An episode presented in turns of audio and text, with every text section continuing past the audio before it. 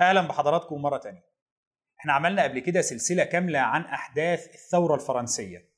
وفي الفيديوهات الأخيرة من السلسلة دي اتعرضنا لشخصية نابليون بونابرت ودوره في أحداث الثورة. النهارده إن شاء الله هتكون بداية سلسلة جديدة هنتعرض فيها لشخصية نابليون بونابرت بشيء من التفصيل. هنتكلم عن شخصيته وعن تاريخه وعن دوره في فرنسا في أثناء الثورة الفرنسية ودوره في فرنسا بعد انتهاء الثورة الفرنسية ولما وصل للحكم. ودي برضه هتكون فكرة كويسة علشان نشوف هل نهاية الثورة الفرنسية كان معناها انتهاء تأثيرها على فرنسا ولا التأثير اللي عملته الثورة الفرنسية سواء في فرنسا ولا في أوروبا كلها كان أعمق بكتير من كده واستمر في فرنسا وفي أوروبا كلها لعشرات السنين حتى بعد انتهائها. خليكم معانا علشان نتعرف على واحد من أهم الشخصيات عبر التاريخ كله واحد من اللي قدروا حرفيا يغيروا مجرى التاريخ.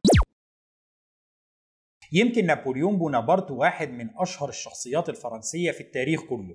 اسم نابليون في حد ذاته يعتبر علامة على التاريخ الفرنسي. لكن الشيء المثير للدهشة هو أن نابليون بونابرت أصوله ليست فرنسية. أصول نابليون بونابرت لا تنتمي لفرنسا. نابليون اتولد في جزيرة صغيرة في البحر المتوسط اسمها جزيرة كورسيكا. جزيرة كورسيكا موجودة على السواحل الجنوبية لفرنسا.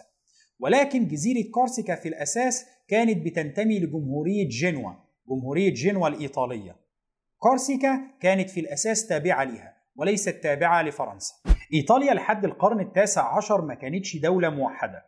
الدولة اللي إحنا نعرفها النهاردة باسم إيطاليا ما كانش ليها وجود قبل سنة 1861 تقريبا. ما قبل ذلك كان عندنا دولة مفتتة مكونة من مجموعة كبيرة جدا من الدول.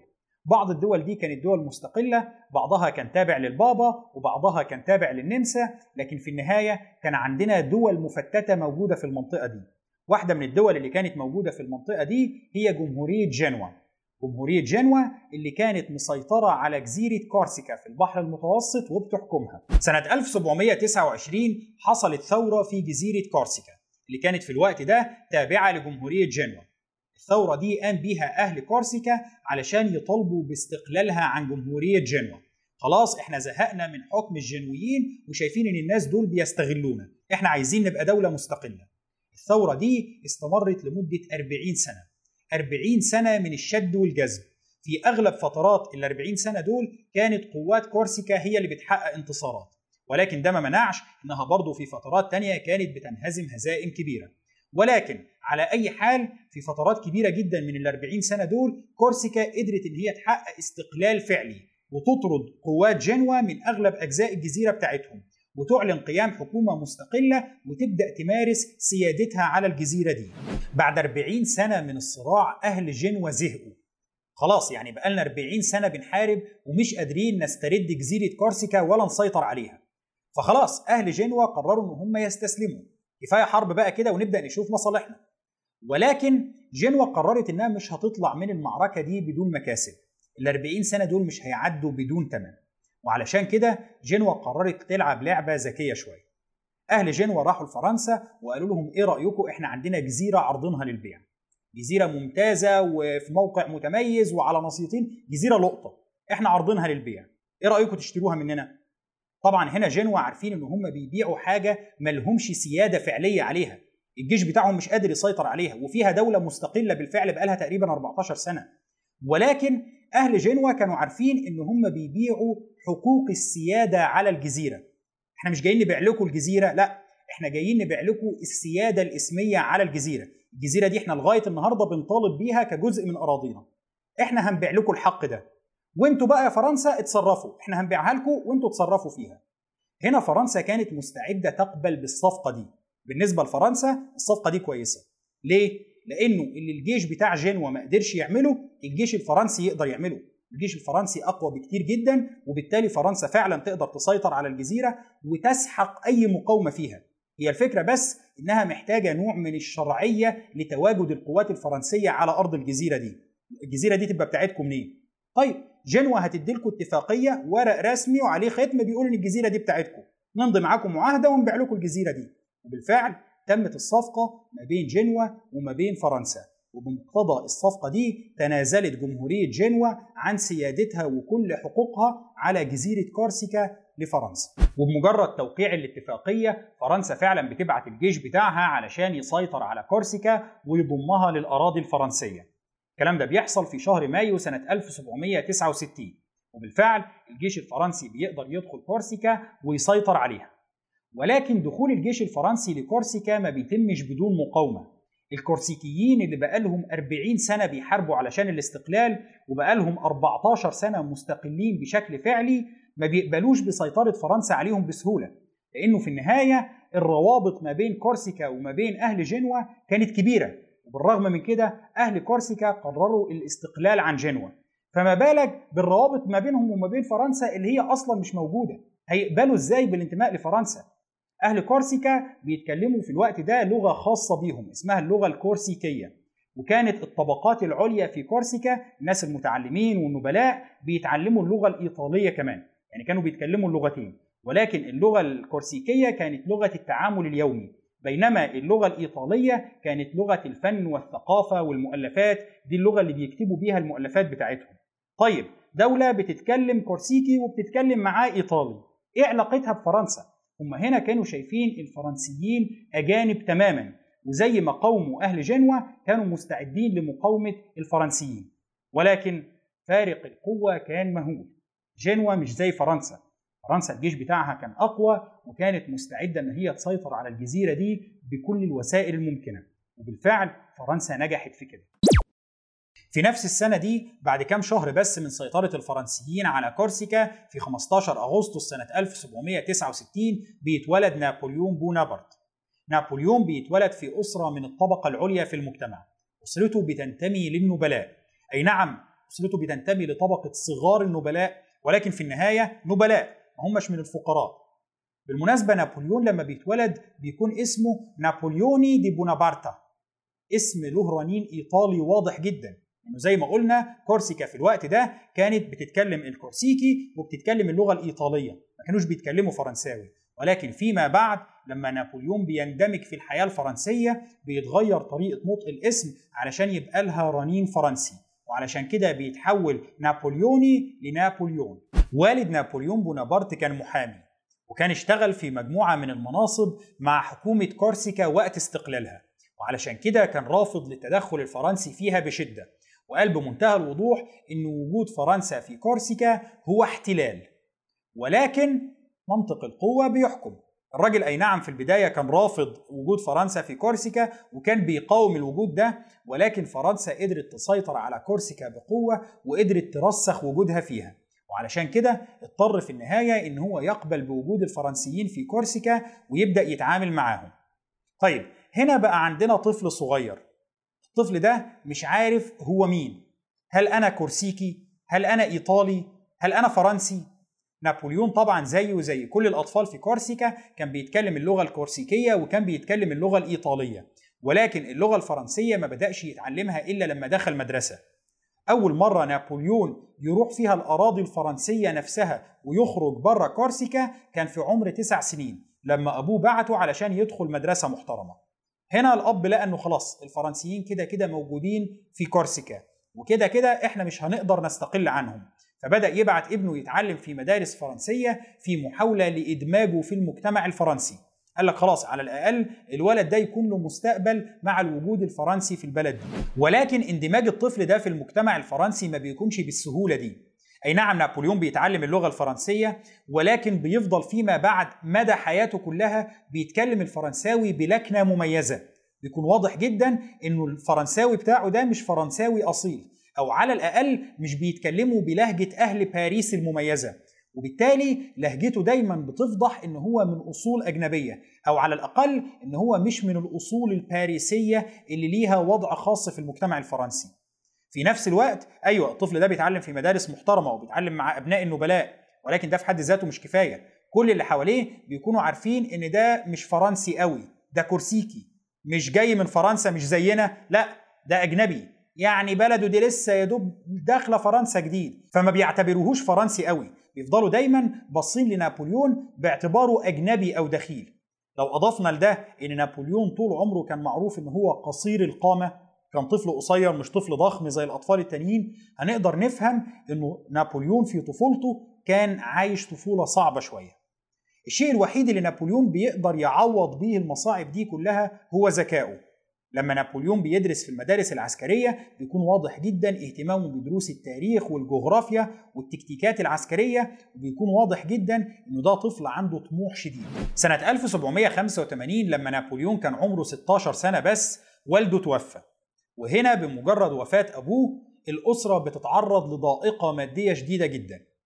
أي نعم أبو نابليون كان من النبلاء وأي نعم الراجل لما الفرنسيين سيطروا على كورسيكا ضموه للنبلاء الفرنسيين وأي نعم هو كان محامي وبالتالي بيكسب كويس المفترض ولكن الراجل برضه كان مسرف جدا وكان بيضيع الفلوس بسهولة وعلشان كده بمجرد وفاته الأسرة انكشفت من الناحية المادية. خلاص ما بقاش فيه فلوس وبقوا عايشين في ضائقة مادية شديدة جدا.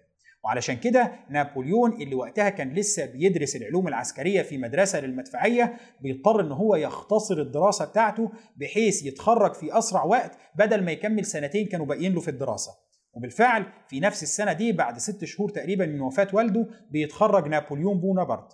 الكلام ده زي ما قلنا كان سنة 1785 قبل قيام الثورة الفرنسية بأربع سنين بس. بيتخرج نابليون بونابرت وبيتعين كظابط مدفعية في عمر 16 سنة.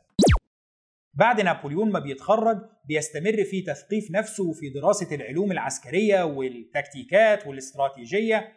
في نفس الفترة دي نابليون بيكتب مجموعة من الرسائل بيعبر فيها عن أزمة الهوية اللي كانت عنده. هل أنا فرنسي ولا كورسيكي؟ أغلب الخطابات دي نابليون كان بيعبر عن نفسه فيها باعتبار أن انتمائه الأول والأخير لوطنه في كورسيكا وليس في فرنسا. بعد أربع سنين من تخرج نابليون بونابرت بتقوم الثورة الفرنسية. وطبعا مع قيام الثورة بتحصل مجموعة من التغييرات العنيفة والسريعة جدا في المجتمع الفرنسي.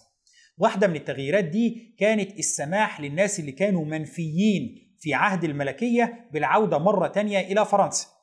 طيب من الناس اللي تم نفيهم في عهد الملكية كانوا زعماء كورسيكا في فترة الاستقلال.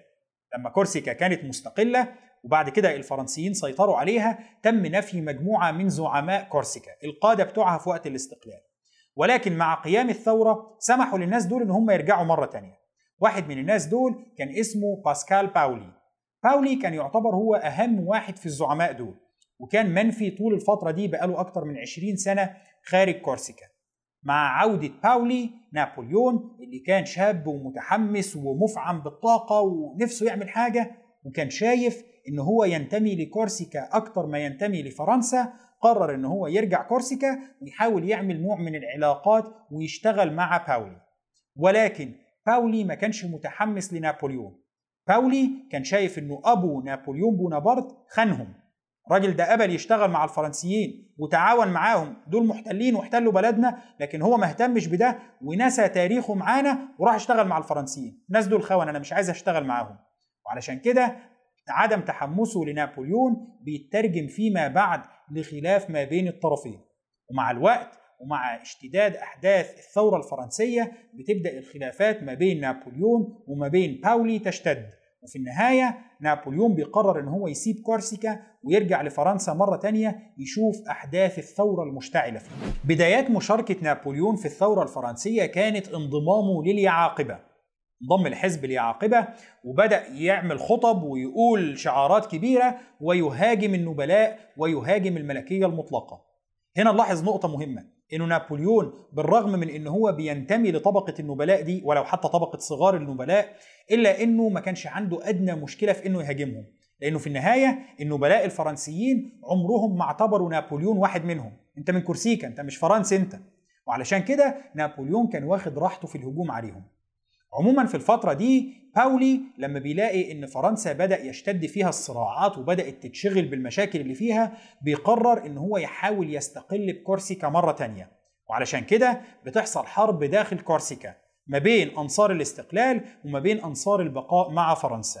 وفي أثناء الحرب دي باولي بيعلن إن أسرة بونابرت خونة. وعلشان كده أسرة بونابرت كلها بتضطر تنتقل من جزيرة كورسيكا للحياة داخل فرنسا نفسها. في نفس الوقت ده بدأت الدول الأوروبية تتحالف ضد فرنسا. وعلشان كده فرنسا لقت نفسها مضطرة إن هي تدخل في حروب متعددة على جميع الجبهات. ومع اشتعال الحروب على الجبهات الخارجية بدأ الملكيين وأنصار الملكية يتحركوا داخل فرنسا. ويعملوا ثورات وحركات تمرد ضد حكومة الجمهورية الفرنسية بهدف إعادة الملكية مرة أخرى إلى فرنسا. طيب لما ده حصل نابليون كان لازم يرجع لوظيفته الأساسية اللي هي ضابط مدفعية في الجيش الفرنسي. الجيوش الفرنسية كلها بتحارب فالراجل لازم يرجع لوظيفته دي وينضم للجيش الفرنسي على جبهة من الجبهات. مع عودة نابليون لوظيفته دي بيتم توزيعه على الجيش المتجه إلى جنوب فرنسا لإخماد ثورات الملكيين. الجيش اللي كان من ضمنه نابليون بيكون متجه لحصار مدينة طولون. مدينة طولون هي ميناء فرنسي مهم موجود على سواحل البحر المتوسط موجود في جنوب فرنسا.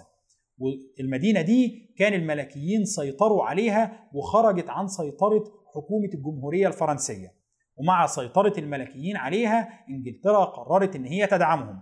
فالأسطول الإنجليزي وصل لطولون وبدأ يقدم الدعم للملكيين. هنا فرنسا لقت نفسها قدام ثغرة خطيرة جدا. بقى عندنا الملكيين وجاي لهم دعم خارجي.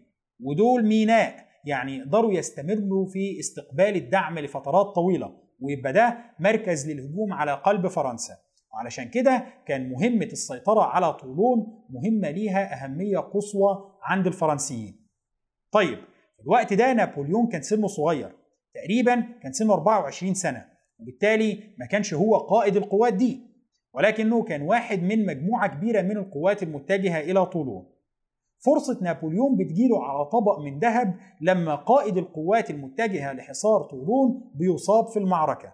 وهنا مع إصابته خلاص الراجل مش هيقدر يكمل حرب ولازم نختار حد يحل محله. في واحد من قادة الجيش الفرنسي كان من أصول كورسيكية وكان يعرف عيلة بونابرت كويس وكان يعرف أبو نابليون. وعلشان كده لما بيحصل الموقف ده بيقرر إن هو هيعين نابليون كقائد بالإنابة. أنت اللي هتنوب عن قائد القوات دي لحد ما نبعت لك واحد بقى يكون من القادة بتوعنا أو جنرال كبير أو أي حد يتولى المسؤوليات بتاعته دي. ولكن نابليون اللي عنده 24 سنة بس بيقرر إن هو هيستغل الفرصة دي. هي دي فرصته اللي كان مستنيها علشان يظهر مواهبه وقدراته العسكرية. حصار طولون بيتم في أواخر سنة 1793 أول ما بيتم منح نابليون منصب القائد بالإنابة بيرقوه لرتبة رائد. يدوله رتبة أعلى علشان يقدر يصدر أوامر للجنود دول كلهم. نابليون بيتبع تكنيك ذكي. بيجيب القوات بتاعته ويوزعها هي والمدافع اللي معاها على المرتفعات المحيطة بمدينة طولون. ومن خلال المواقع اللي بتتخذها المدفعية دي في مواقع مرتفعة بيقدر إن هو يقصف جيوش الملكيين داخل المدينة وكمان يقدر يقصف الأسطول الإنجليزي الموجود في ميناء طولون. ومع القصف المكثف ده بيقدر يلحق بيهم خسائر فادحة. بعد شهر من الحصار بيكون واضح إن الاستراتيجية اللي بيتبعها نابليون استراتيجية ناجحة جدا. وعلشان كده قيادات الجيش الفرنسي بيثقوا فيه. وفي الوقت ده بيدوله ترقية كمان بيخلوه القائد العام للقوات اللي محاصرة مدينة طولون. طبعا نابليون بيستمر في قصف المدينة لغاية ما الأسطول الإنجليزي بيضطر إن هو يسيبها ويهرب. وبعدها بتستسلم قوات الملكيين وبيقدر نابليون يسيطر على ميناء طولون ويرجعه لفرنسا مرة تانية. وهنا كنوع من الاعتراف بقدرات نابليون العسكرية المتفوقة بيتم منحه رتبة عميد. بيحصل على رتبة عميد في الجيش الفرنسي وهو عمره 24 سنة بس. مع نجاح نابليون في السيطرة على ميناء طولون بيبدأ الناس في الجيش الفرنسي يسمعوا عنه. وهنا بيتعرف على واحد من اللي كانوا مسؤولين عن الجيش الفرنسي في الوقت ده اسمه أوغستين روبسبيير. ده أخوه كان يبقى ماكسيميليان روبسبيير اللي هو فعليا كان أقوى رجل في فرنسا في الوقت ده. أوغستين روبسبيير بيكتب رسالة لأخوه يحكي له فيها عن الضابط الفرنسي الشاب المتحمس للثورة اللي قدر إن هو يسيطر على مدينة طولون لوحده ويطرد منها الإنجليز. طبعا رسالة زي دي بيجي بعدها على طول منصب مهم لنابليون بونابرت في الجيش الفرنسي.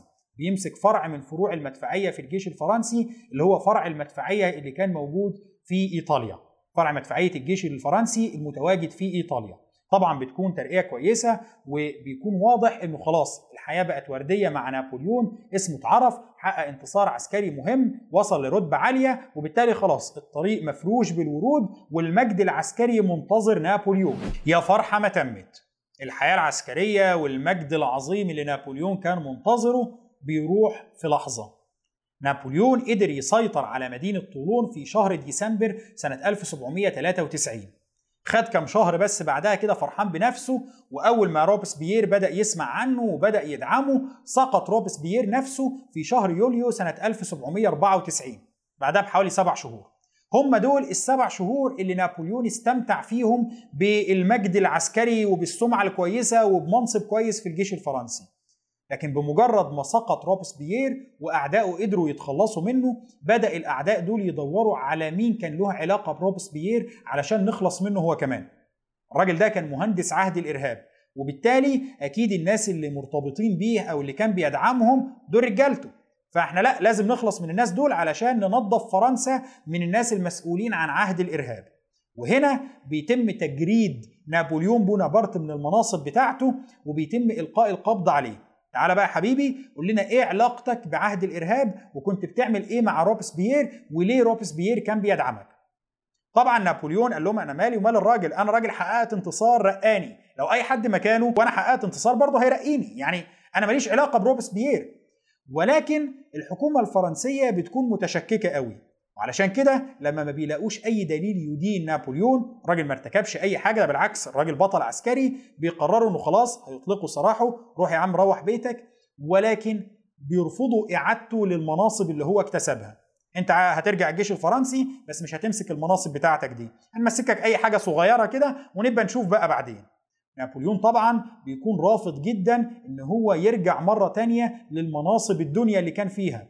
أنا كنت ضابط صغير وتعبت وعملت مجهود وحققت انتصارات لحد ما وصلت للمناصب دي. دلوقتي هترجعوني ضابط صغير تاني ولكن الحكومة الفرنسية بتكون مصرة على موقفها. الراجل ده مش راجع لأي منصب دلوقتي. نابليون بيرفض يرجع للجيش الفرنسي في مناصب صغيرة أو من غير مناصب. يقول لهم أنا مش هرجع أخدم كظابط عادي. أنا الراجل كان ليا منصب وعايز أرجع له.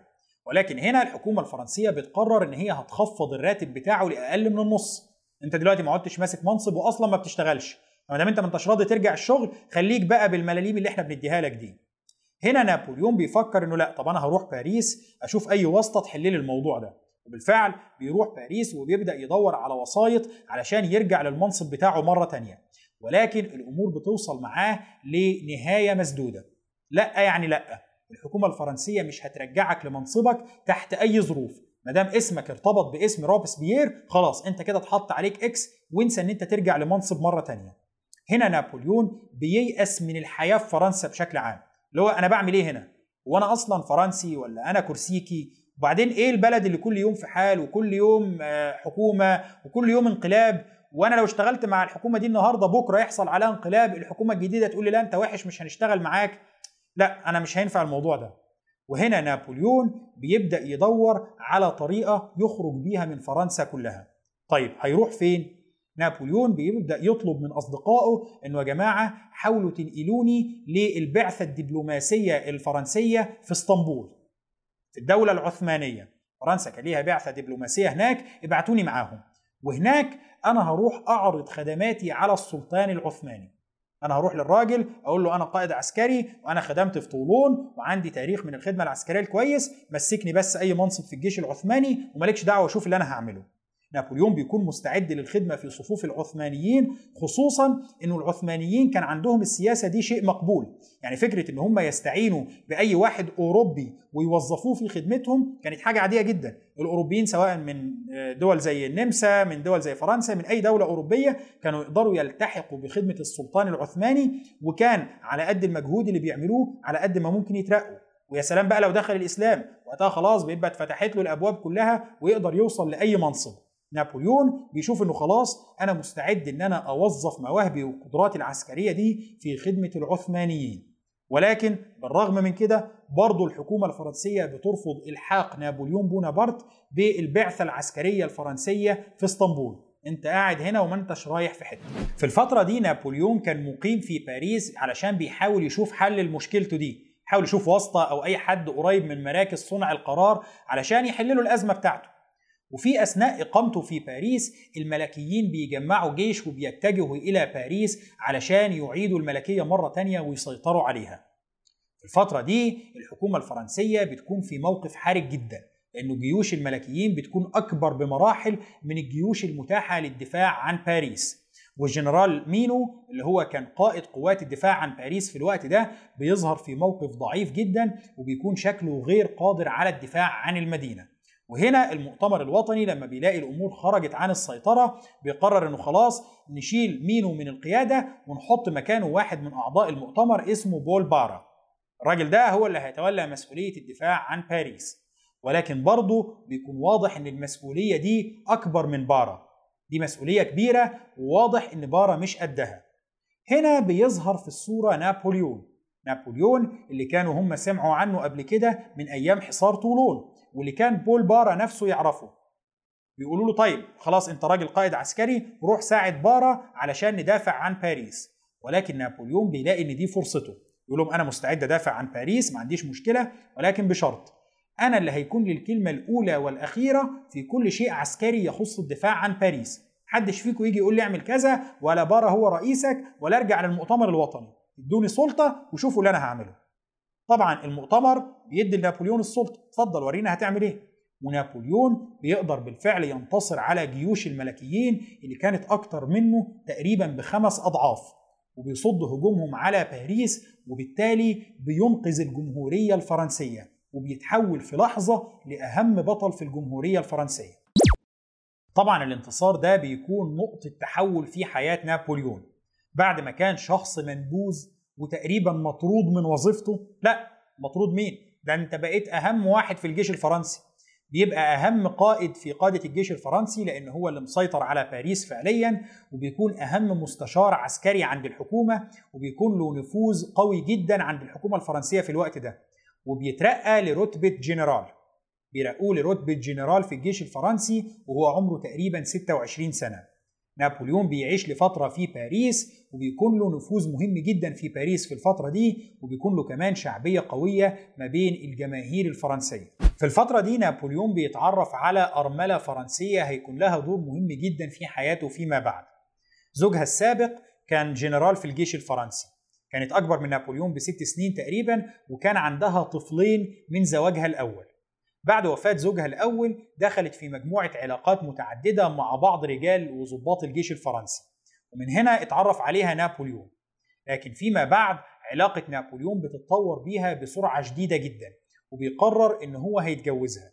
الست دي اللي هي هتبقى جوزفين بونابرت أول زوجة لنابليون. في الوقت ده بتكون الأمور استقرت في باريس. خلاص الحكومة الجديدة بقت مسيطرة على الوضع وبتبدأ تحرك الجيوش بتاعتها علشان تحارب في جبهات مختلفة. وهنا بيتم الاتفاق ما بين نابليون وما بين حكومة الإدارة إن هو يتولى قيادة الجيش الفرنسي الموجود في إيطاليا. يقول لك الحملة بتاعتنا في إيطاليا حملة بتواجه مشاكل بقالها فترة كبيرة جدا ومش عارفة تحقق أي نجاحات. فإحنا نبعت نابليون هناك. نابليون بيشوف إن ده تحدي مناسب يقدر فيه يظهر قدراته. ابعتوني بس إيطاليا وملكوش دعوة. وفي نفس الوقت حكومة الإدارة بتقول لك خلينا نخلص بقى من الجنرال اللي نفوذه بدأ يزيد جدا. الراجل بقى مسيطر على الدنيا في باريس وعايزين نتخلص منه. وعلشان كده بيتم التوافق ما بينهم إنه خلاص أنت هتروح تقود الجيش الفرنسي في إيطاليا. وبالفعل نابليون بيوافق على ده ولكن قبل ما بيتحرك لإيطاليا بيومين بس بيتجوز جوزفين وبعدها بيروح إيطاليا علشان يقود الجيش الفرنسي هناك وهو عمره 27 سنة بس. خلاص الدنيا استقرت جدا مع نابليون اللي قبل سنة واحدة ما كانش عارف هو بيعمل إيه ولا هيروح فين وكان بيفكر إن هو يروح يعرض خدماته على العثمانيين. دلوقتي خلاص بقى قائد جيش فرنسي وبقى متزوج من امرأة فرنسية واستقر وبقى انتمائه الكامل لفرنسا. هنقف لحد هنا النهارده إن شاء الله والأسبوع اللي جاي هنكمل كلامنا علشان نتعرف على بدايات ظهور العبقرية العسكرية لنابليون بونابرت وإزاي قدر يحقق انتصار مستحيل في إيطاليا. شكرا لحضراتكم وإن شاء الله نشوف حضراتكم الأسبوع اللي جاي.